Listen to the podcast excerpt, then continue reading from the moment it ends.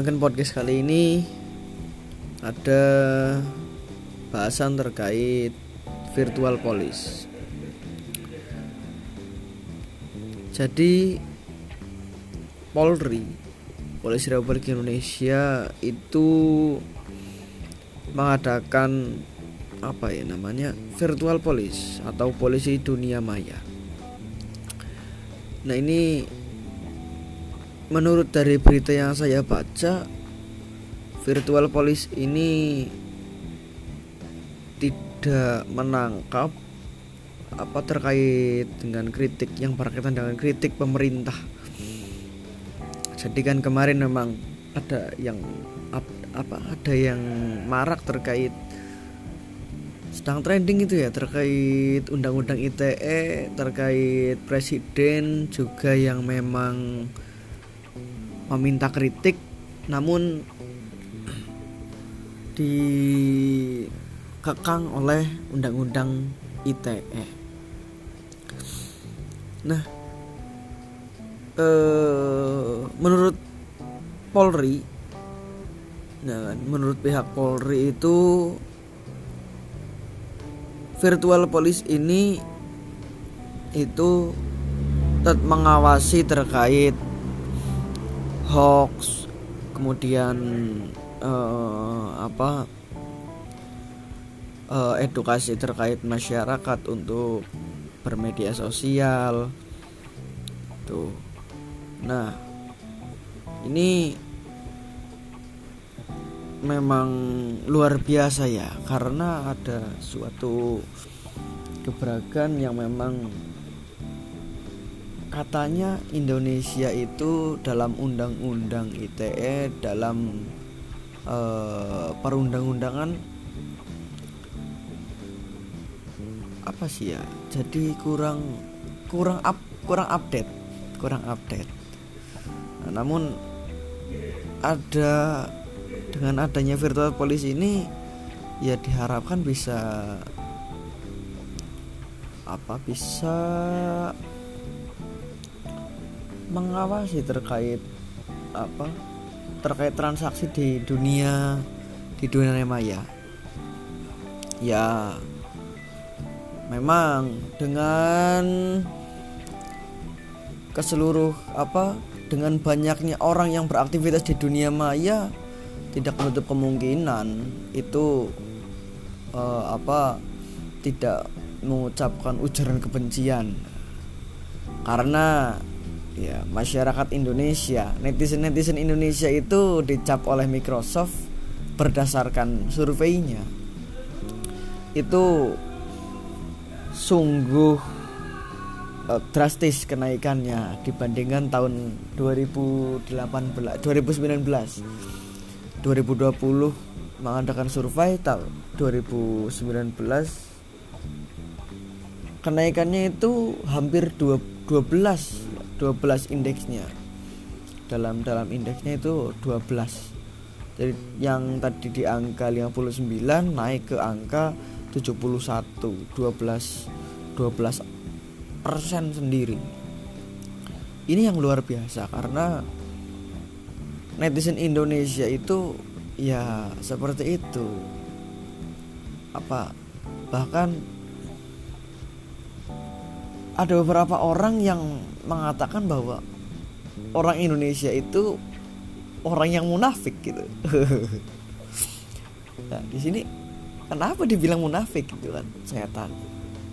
Ya sekarang di dunia di dunia maya, media sosial, di internet tidak ada sopan santunnya sama sekali. Tapi ketika di ketika di dunia nyata ya. Di kehidupan sehari-hari. Sopan santun eh, apa adabnya ter tertata dengan siapa dia berbicara uh, luar biasa. Kadang seperti itu. Ya memang tidak menyalahkan ya.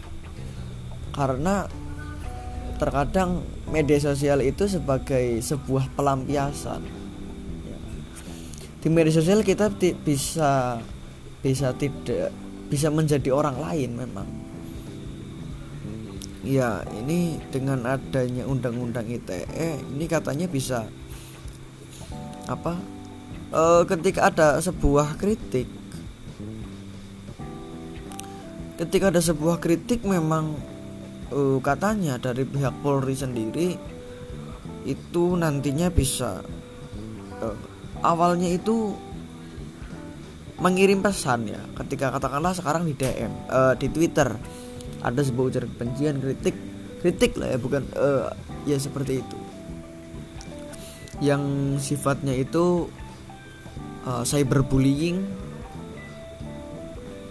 atau yang lain. Nah itu di apa pertama di di DM dulu kirimi pesan secara pribadi kemudian ketika mas uh, itu permintaan untuk dalam kirim pesan itu ada permintaan untuk me menghapus postingan tersebut. Nah, jika jika masih tidak tidak diindahkan ya, masih tetap aja tidak dihapus. Postingannya tidak dihapus.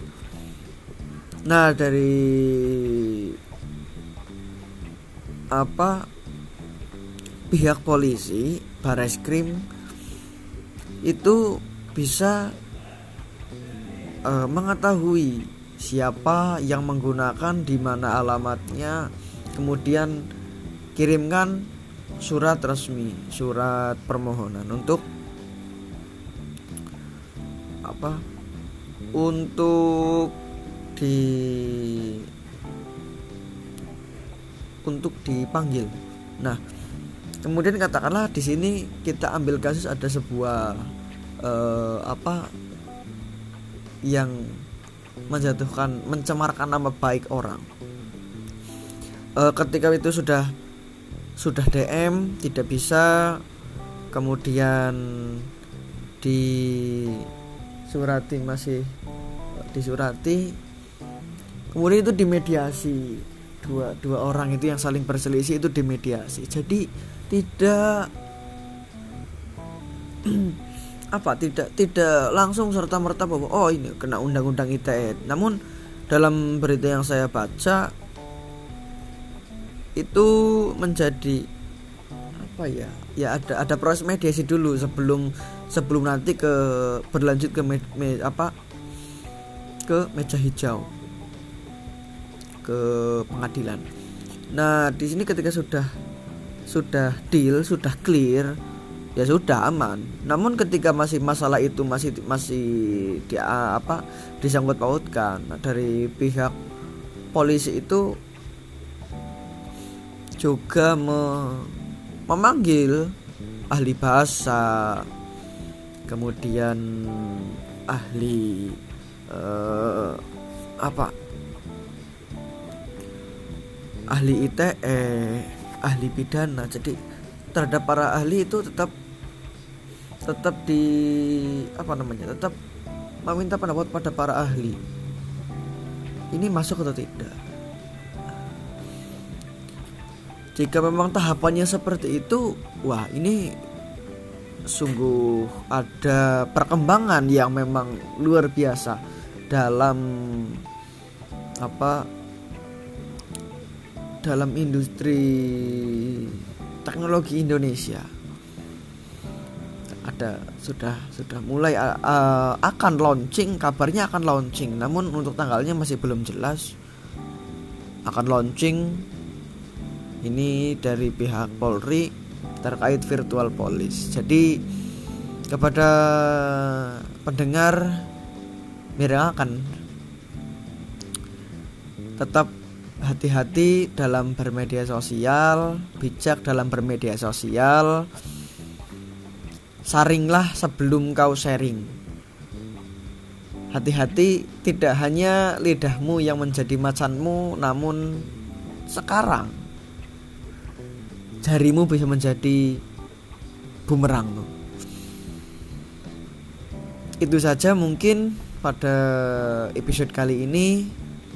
Tetap nantikan episode-episode selanjutnya di Mirengaken.